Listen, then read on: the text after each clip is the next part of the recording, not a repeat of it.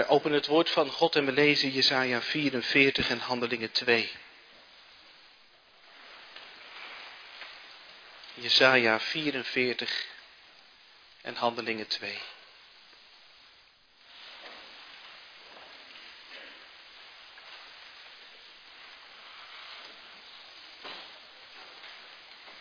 Jesaja 44 begint met een uh, opvallend woord, het woord maar. En dat woord dat moeten we vanmorgen even proeven. Want dat woord dat tintelt hier in Jesaja 44 van genade. En genade wil verwondering bij ons wakker maken. Er is heel wat aan vooraf gegaan. Twee streepjes even in het vorige hoofdstuk. Vers 24, de laatste zin. Integendeel, u bent mij tot last geweest met uw zonde. U hebt mij vermoeid met uw ongerechtigheden. Israël heeft God moe gemaakt met zijn zonde. En vers 27. Uw eerste vader heeft gezondigd en uw uitleggers van de wet zijn tegen mij in opstand gekomen. De voorouders en de leiders als je dat zo leest, dan denk je, ja, dan is er weinig meer te hopen en alles te vrezen. Maar dan maar. We lezen vers 1 tot 5. Maar nu, luister Jacob, mijn dienaar, Israël die ik verkozen heb. Zo zegt de Heere, uw maker, en uw vermeerder van de moederschoot af die u helpt, wees niet bevreesd. Mijn dienaar Jacob, Jeshurun die ik verkozen heb, want ik zal water gieten op het dorstige en stromen op het droge. Ik zal mijn geest op uw nageslacht gieten en mijn zegen op uw nakomelingen. Ze zullen opkomen tussen het gras als wilgen aan de waterstromen. De een zal zeggen, ik ben van de Heere. Een ander zal zich noemen met de naam Jacob. Weer een ander zal met zijn hand schrijven van de Heere. En de erenaam Israël aannemen. En dan lezen we vervolgens uit Handelingen 2. 1 tot 11, 37 tot 39. En toen de dag van het Pinksterfeest vervuld werd, waren ze alle eensgezind bijeen en plotseling kwam er uit de hemel een geluid als van een geweldige windvlaag. En dat vervulde heel het huis waar zij zaten en aan hen werden tongen als van vuur gezien die zich verdeelden en het zat op ieder van hen. En ze werden alle vervuld met de Heilige Geest en begonnen te spreken in andere talen zoals de Geest hun gaf uit te spreken. Nu woonden er Joden in Jeruzalem, Godvrezende mannen uit alle volken die er onder de hemel zijn. Toen dan dit geluid klonk, kwam de menigte samen en raakte in verwarring, want ieder hoorde hen in zijn eigen taal spreken. En ze waren alle buiten zichzelf en verwonderden zich en ze zeiden tegen elkaar, zie, zijn het niet allen Galileërs die daar spreken? En hoe kunnen wij hen dan horen? En ieder in onze eigen taal waarin we geboren zijn? Parten, Meden en Elamieten. En zij die inwoners zijn van Mesopotamië, Judea, Cappadocië, Pontus en Azië, Frigië, Pamphylië, Egypte. En de streken van Libië dat bij Cyrene ligt, als ook de nu hier verblijvende Romeinen, zowel Joden als proselieten, Cretensen en Arabieren. Wij horen hen in onze taal over de grote werken van God spreken. Petrus gaat dan vervolgens uitleggen wat er aan de hand is. Dat God zijn geest had beloofd en u heeft uitgestort. En zijn preek is vol van Jezus. En dan vers 37. Toen zij dit hoorden, werden zij diep in het hart geraakt. En zeiden tegen Petrus en de andere apostelen: Wat moeten we doen, mannenbroeders? En Petrus zei tegen hen, bekeer u. En laat ieder van u gedoopt worden in de naam van Jezus Christus tot vergeving van de zonde. En u zult de gave van de Heilige Geest ontvangen. Want voor u is de belofte en voor uw kinderen en voor allen die veraf zijn. Zoveel als de Heere onze God ertoe roepen zal. Straks na de preek zingen we Psalm 42 vers 1. Ja, mijn ziel dorst naar de Heerde. Psalm 42, vers 1. Tekst voor de prediking Jesaja 44, 3 tot 5. die Pinksterbelofte. Jesaja 44, vers 3 tot 5, waar de Heer zegt, want ik zal water gieten op het dorstige en stromen op het droge. Ik zal mijn geest op uw nageslacht gieten en mijn zegen op uw nakomelingen. Zij zullen opkomen tussen het gras als wilgen aan de waterstromen. De een zal zeggen, ik ben van de Heere, een ander zal zich noemen met de naam Jacob. Weer een ander zal met zijn hand schrijven van de Heere en de erenaam Israël aannemen.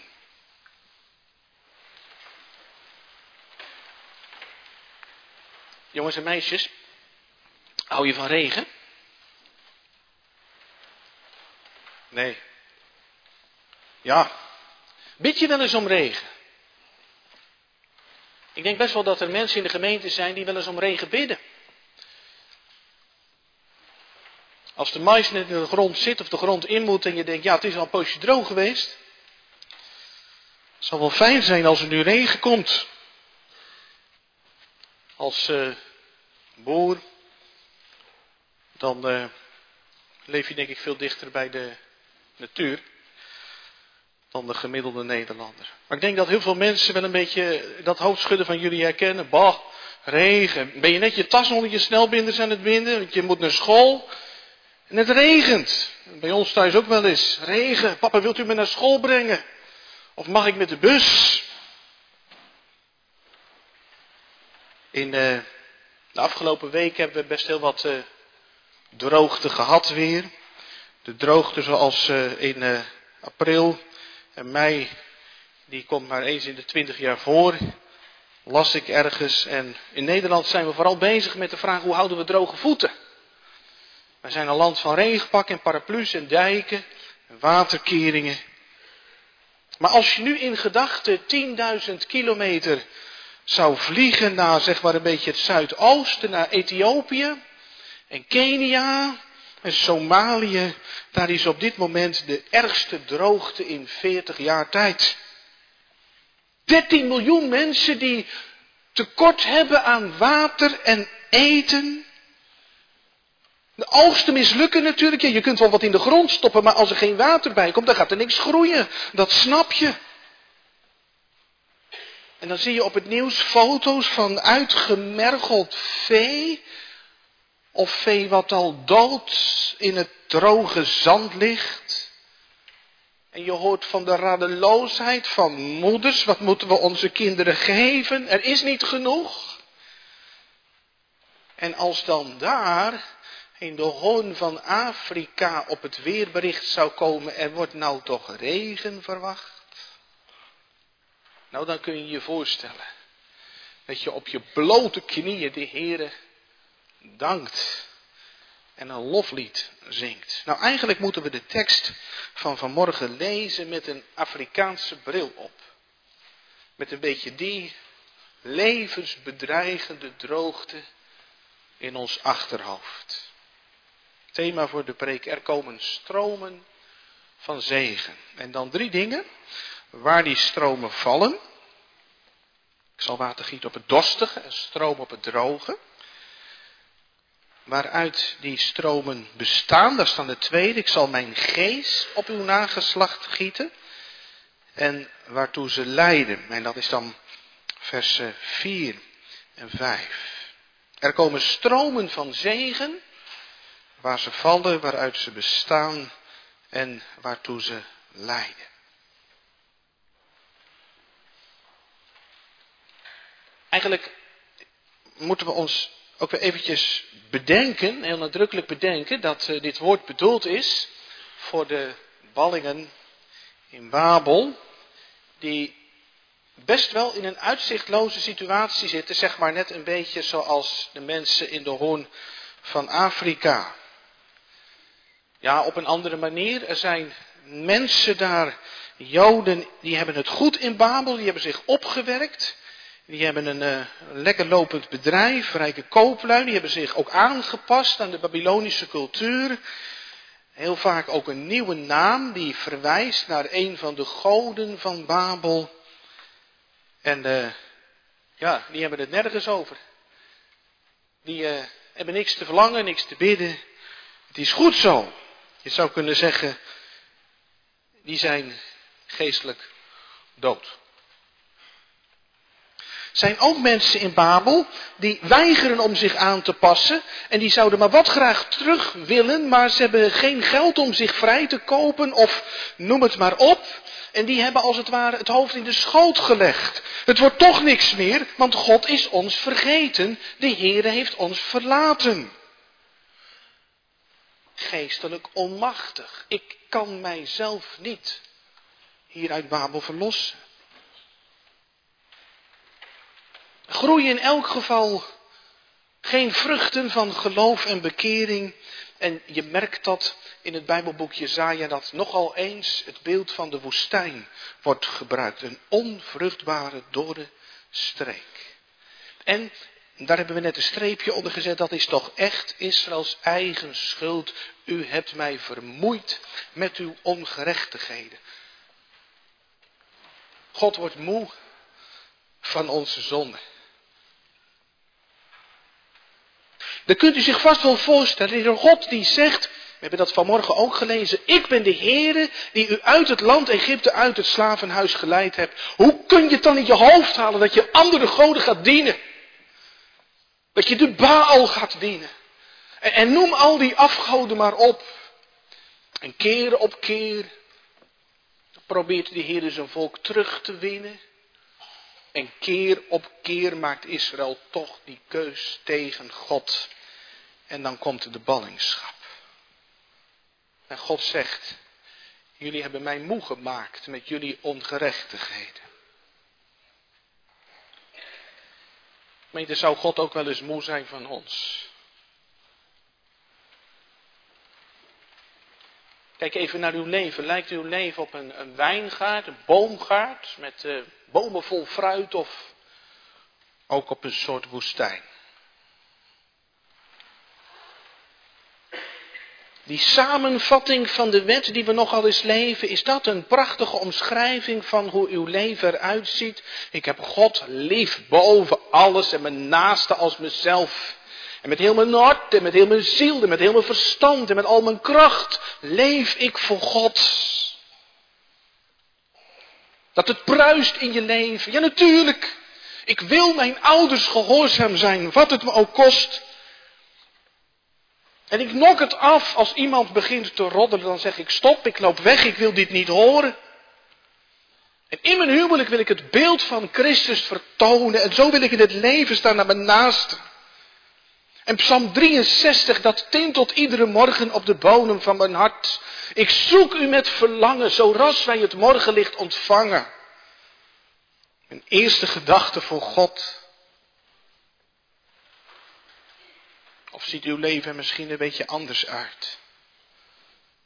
Als God nou vandaag zou komen om alle vruchten binnen te halen van de preken die u in uw leven gehoord hebt en de keren dat het woord in uw leven klonk. Misschien zegt u dan wel, ja, er waren ook wel andere tijden in mijn leven. Toen ik, toen ik beleidenis ging doen. Toen mijn ogen open gingen voor Jezus. En toen ik ontdekte dat mijn zaligheid vast ligt in Hem. Zo bevrijdend, zo gelukkig. En ik zong het met alles wat in me was. Ik zet mijn treden in uw spoor. Of toen je door een moeilijke periode ging en je klampte je vast aan de belofte van God. En je wist het heel zeker, als God voor ons is, wie zal tegen ons zijn? Of ik denk aan die jongen die ook uh, beleidenis ging doen en hij had een verslavingsverleden.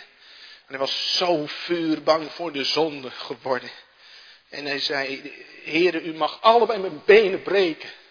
Als het nodig is dat ik dicht bij u blijf.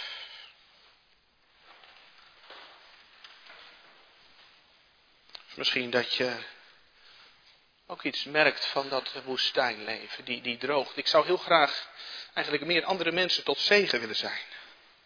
Thuis en op mijn werk en in de gemeente.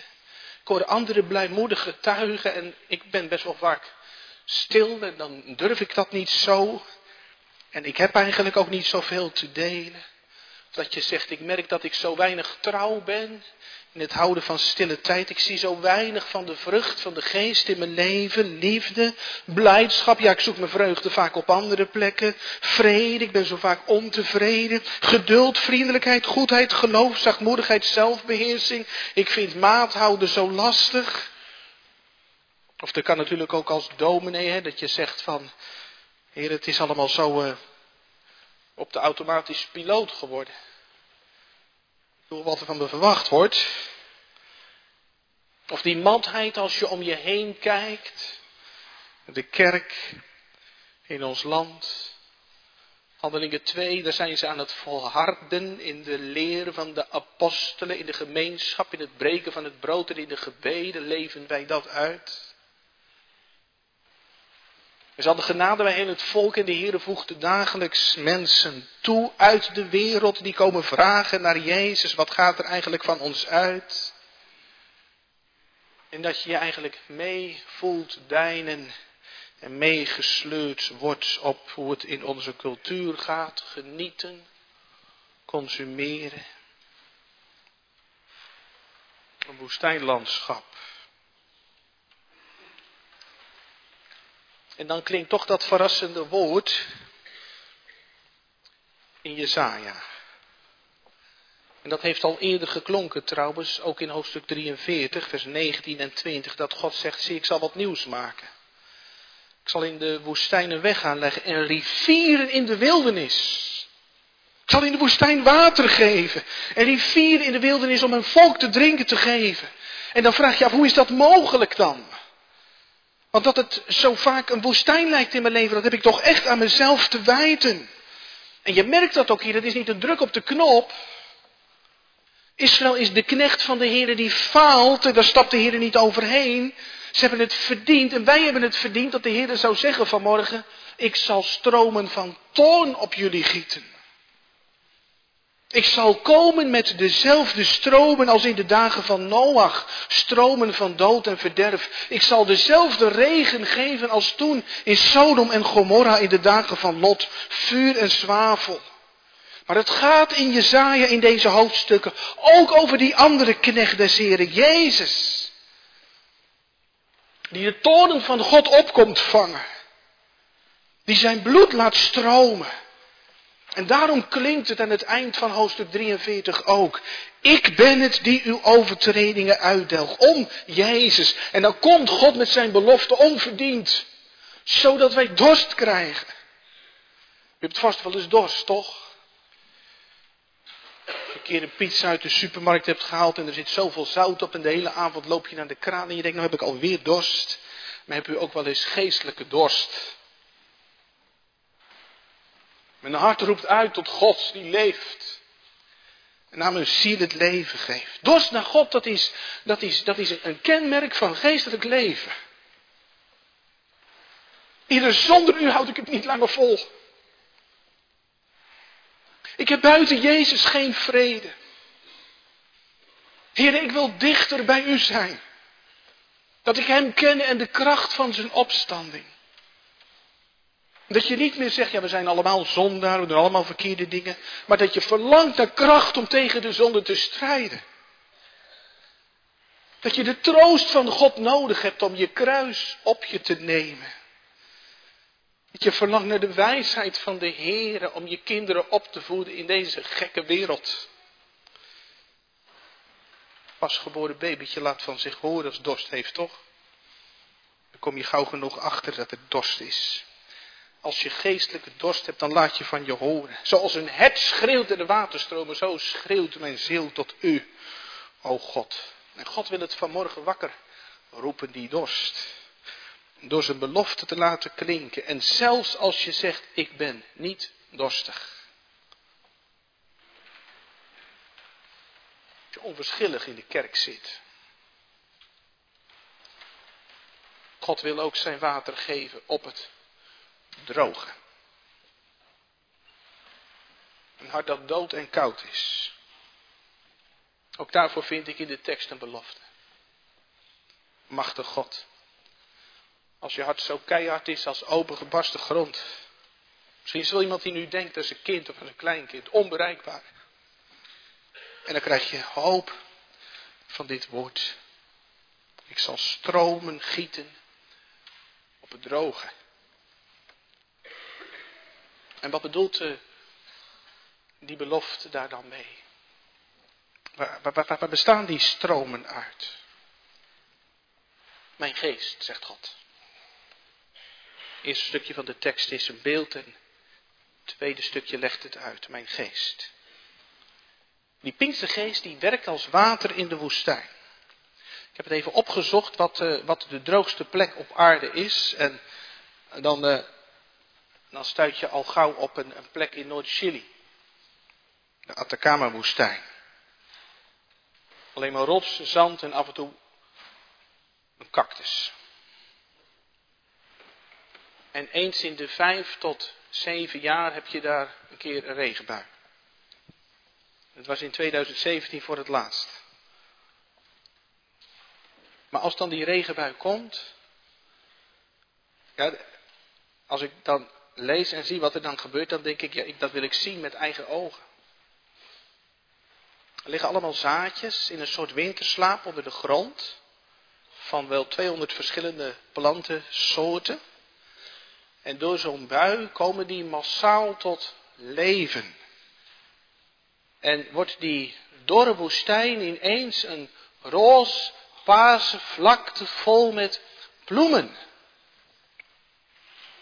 Blijft ook maar eventjes, want dat droge zand, dat, uh, dat, dat kan het water niet vasthouden natuurlijk. Maar het gaat even om het beeld, om dat wonder, wat er dan gebeurt. Dat de woestijn wordt omgetoverd tot een lustoord.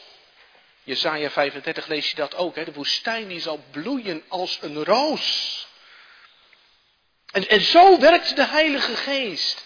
Hij is Heere en hij maakt leven. Je had het niet gedacht. Als de Geest toch komt. Die belofte hier, in Jesaja 44, je zou kunnen zeggen, die is, die is vervuld in aanleg in de dagen van Esra en Nehemia. Toen bleek dat God toch verder ging. En de mensen gingen Jeruzalem herbouwen, ondanks tegenwerking. En ze gingen de Torah lezen en ze schrokken, want ze dachten, we hebben al zo lang het Loofhuttenfeest niet gevierd. En ze zijn bedroefd. En ze maken radicale keuzes. Ze hebben zich vermengd met heidense vrouwen. En ze hebben zelfs kinderen bij die vrouwen. En ze stuurden ze weg. Omdat het volk van God heilig moet leven voor de Heer. En de diepere vervulling van deze belofte vinden we natuurlijk in Handelingen 2. Waar wat gaat bloeien en het houdt maar niet op. Die discipelen van de Heer Jezus. Wat stelt het nog voor? Vlak na Pasen. Stelletje cactussen. En als dan de regenbui van de geest komt, dan gaan ze overeind staan. En ze ploeien als nooit tevoren en ze vertellen de grote werken van God. Ze hebben het over Jezus. En de gemeente gaat bloeien. Leven voor God. De gemeente, de Heilige Geest is nog steeds de geest die Here is en die levend maakt. Die geest die wil komen om je verstand te verlichten, zodat je gaat zien hoe het nou echt zit. En die geest die je hart opent, zodat je gaat willen wat God wil. De geest die je wil ombuigt. Ruimte voor Hem, leven voor Hem. Bent u daar nou verlegen om? Hoe lang is het geleden dat u echt gebeden hebt om de regen van God, misschien ook wel uh, zeven jaar geleden. Zo'n regenbui die je leven opfrist, zodat je levend wordt. Zodat je de Heer Jezus nodig hebt en deelt in de vergeving. En dat je gevuld wordt met liefde voor de Heer Jezus. Dat je gaat zingen en dat je het woord, als het kon, zou opeten. Dat je honger hebt naar God. En dat je wil leven voor Hem. Want dat is Pinksteren. Niet dat je een uh, hebt. Maar dat je leven gevuld, een nieuwe vulling om te doen wat God van je vraagt. Stromen van zegen dankzij Jezus die zijn bloed vergiet.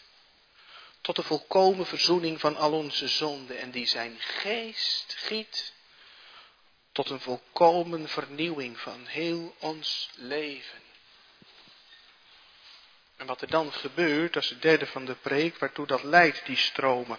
Als de stromen van de geest neerdalen, dan zullen wij weer het volk van de Heer zijn.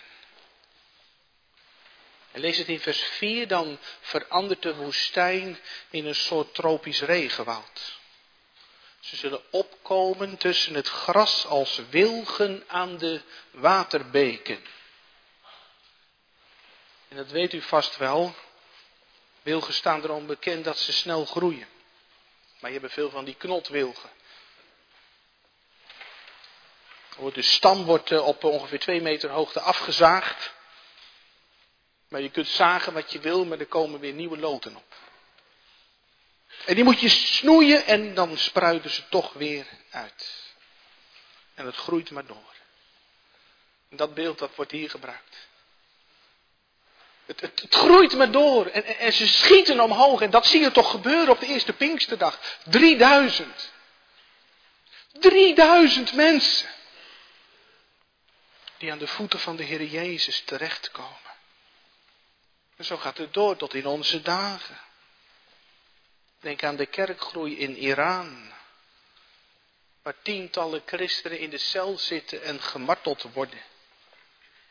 Geknot als een willig. En toch de kerkgroei is niet te stuiten. Of denk aan China. Zie Jinping doet er alles aan om christenen te muilkorven. Om het geloof, het bijbels geloof te verchinezen. Om symbolen van het christelijk geloof weg te doen uit het straatbeeld. En de technologie wordt ingezet om alles te controleren. Maar hoe harder er geknot wordt in China, hoe harder het gaat groeien. Is de geest. Ook in ons land. Heerlijk om dat te horen. Misschien dat u ook wel eens het idee krijgt, nou we zijn hard op weg en dan is, dan is, dan is alles geknot. Dat is onze cultuur, toch het christelijk verleden in de prullenbak. Eraf hakken. En toch, ik las het vanmorgen nog eventjes, een mooi getuigenis over een evangelisatieactie in Arnhem. Een meisje dat ineens tegenover iemand stond dat daar aan het evangeliseren was. Ik denk dat ik bij u moet zijn. Hoe bedoel je? Ik heb vannacht gedroomd dat ik vandaag met iemand over God, over het geloof zou praten. En nu loop ik door de stad en nu zie ik de Bijbelbus staan.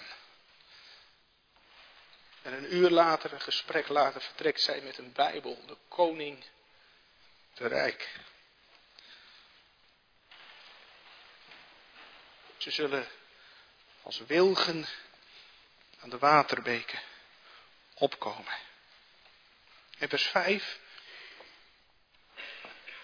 Ja, daar lijkt het wel alsof het helemaal Pinksteren wordt, hè?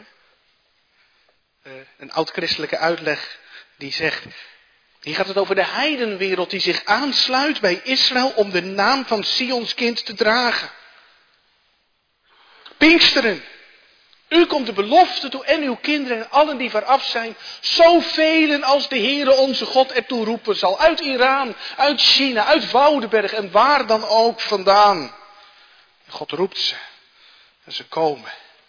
Mensen die ook vandaag zeggen wat hier staat. Ik ben van de Heere.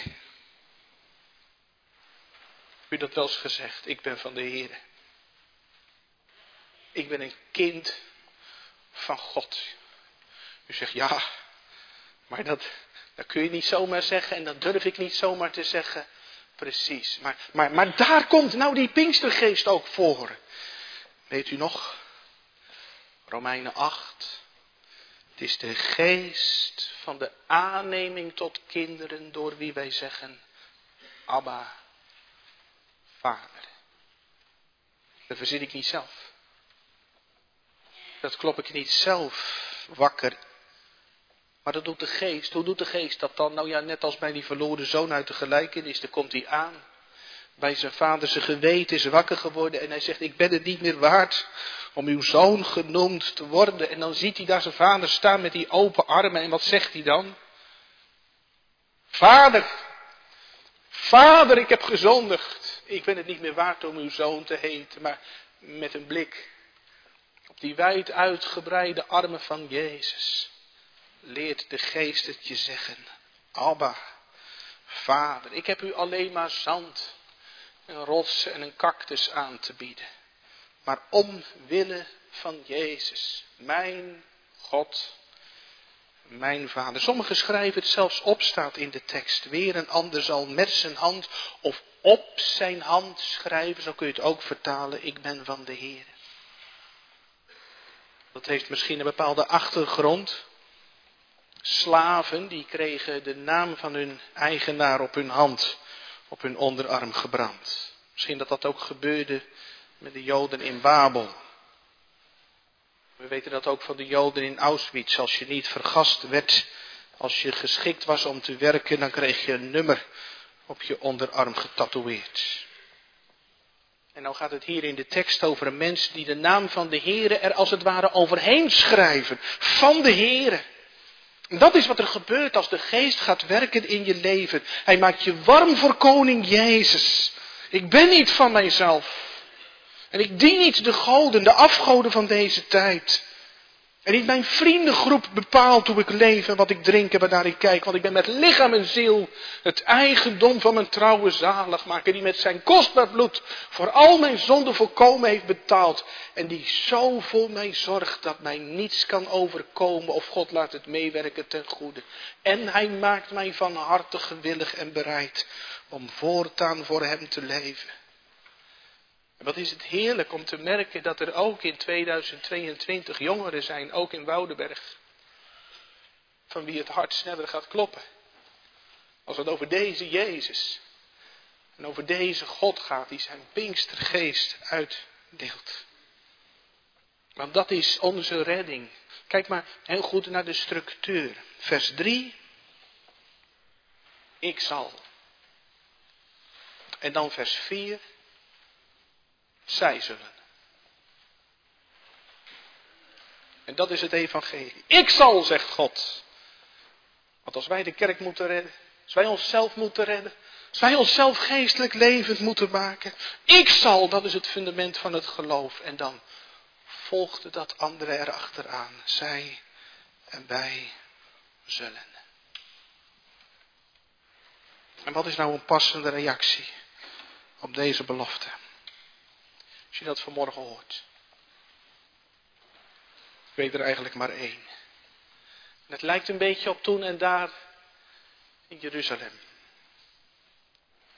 Gevouwen handen. De discipelen daar in de opperzaal. Ze wachten biddend tot de Pinkstergeest komt. Zo mogen wij het doen. Vouw je handen om deze belofte heen en heb verwachting van God. Voor je eigen hart en leven. Breng je dorre hart bij de Heer. Mooi hè, die drie namen die klinken in dit gedeelte. Jacob. Dat is zeg maar, uh, ja, Israël. En, en, en, en misschien wilt u ook uw eigen naam invullen, dat ben ik. In mijn uh, onvermogen mijn tekortschieten. Drieger. Maar ook die andere naam, Israël. Dat is dat wat in mij verlangt naar het nieuwe begin van God. En ook Yeshurun. Dat is een, een, een koosnaam, zeg maar. Het betekent zoiets als rechtvaardige. Dat is wat God voor ogen staat. En zoals ik in Christus ben. Ook dat dat ik door het geloof mag schuilen achter de Heer Jezus en dan rechtvaardig ben voor God. Vouw je handen om deze belofte voor je eigen hart en leven. En wikkel je kinderen er maar in. In de deken van deze belofte. Jullie als doopouders. In wat voor tijd groeien jullie en onze kinderen op. Een tijd waarin iedereen zegt. Je bent van jezelf. Het is jouw leven. Als de geest komt, als de Heere zijn geest giet, ook op Eva en Olivier, dan gaan ze het zeggen. En ik ben niet meer van mijzelf. Ik ben het eigendom van mijn trouwe zaligmaker. En alles is van hem. Heren, ik hoor van rijke zegen.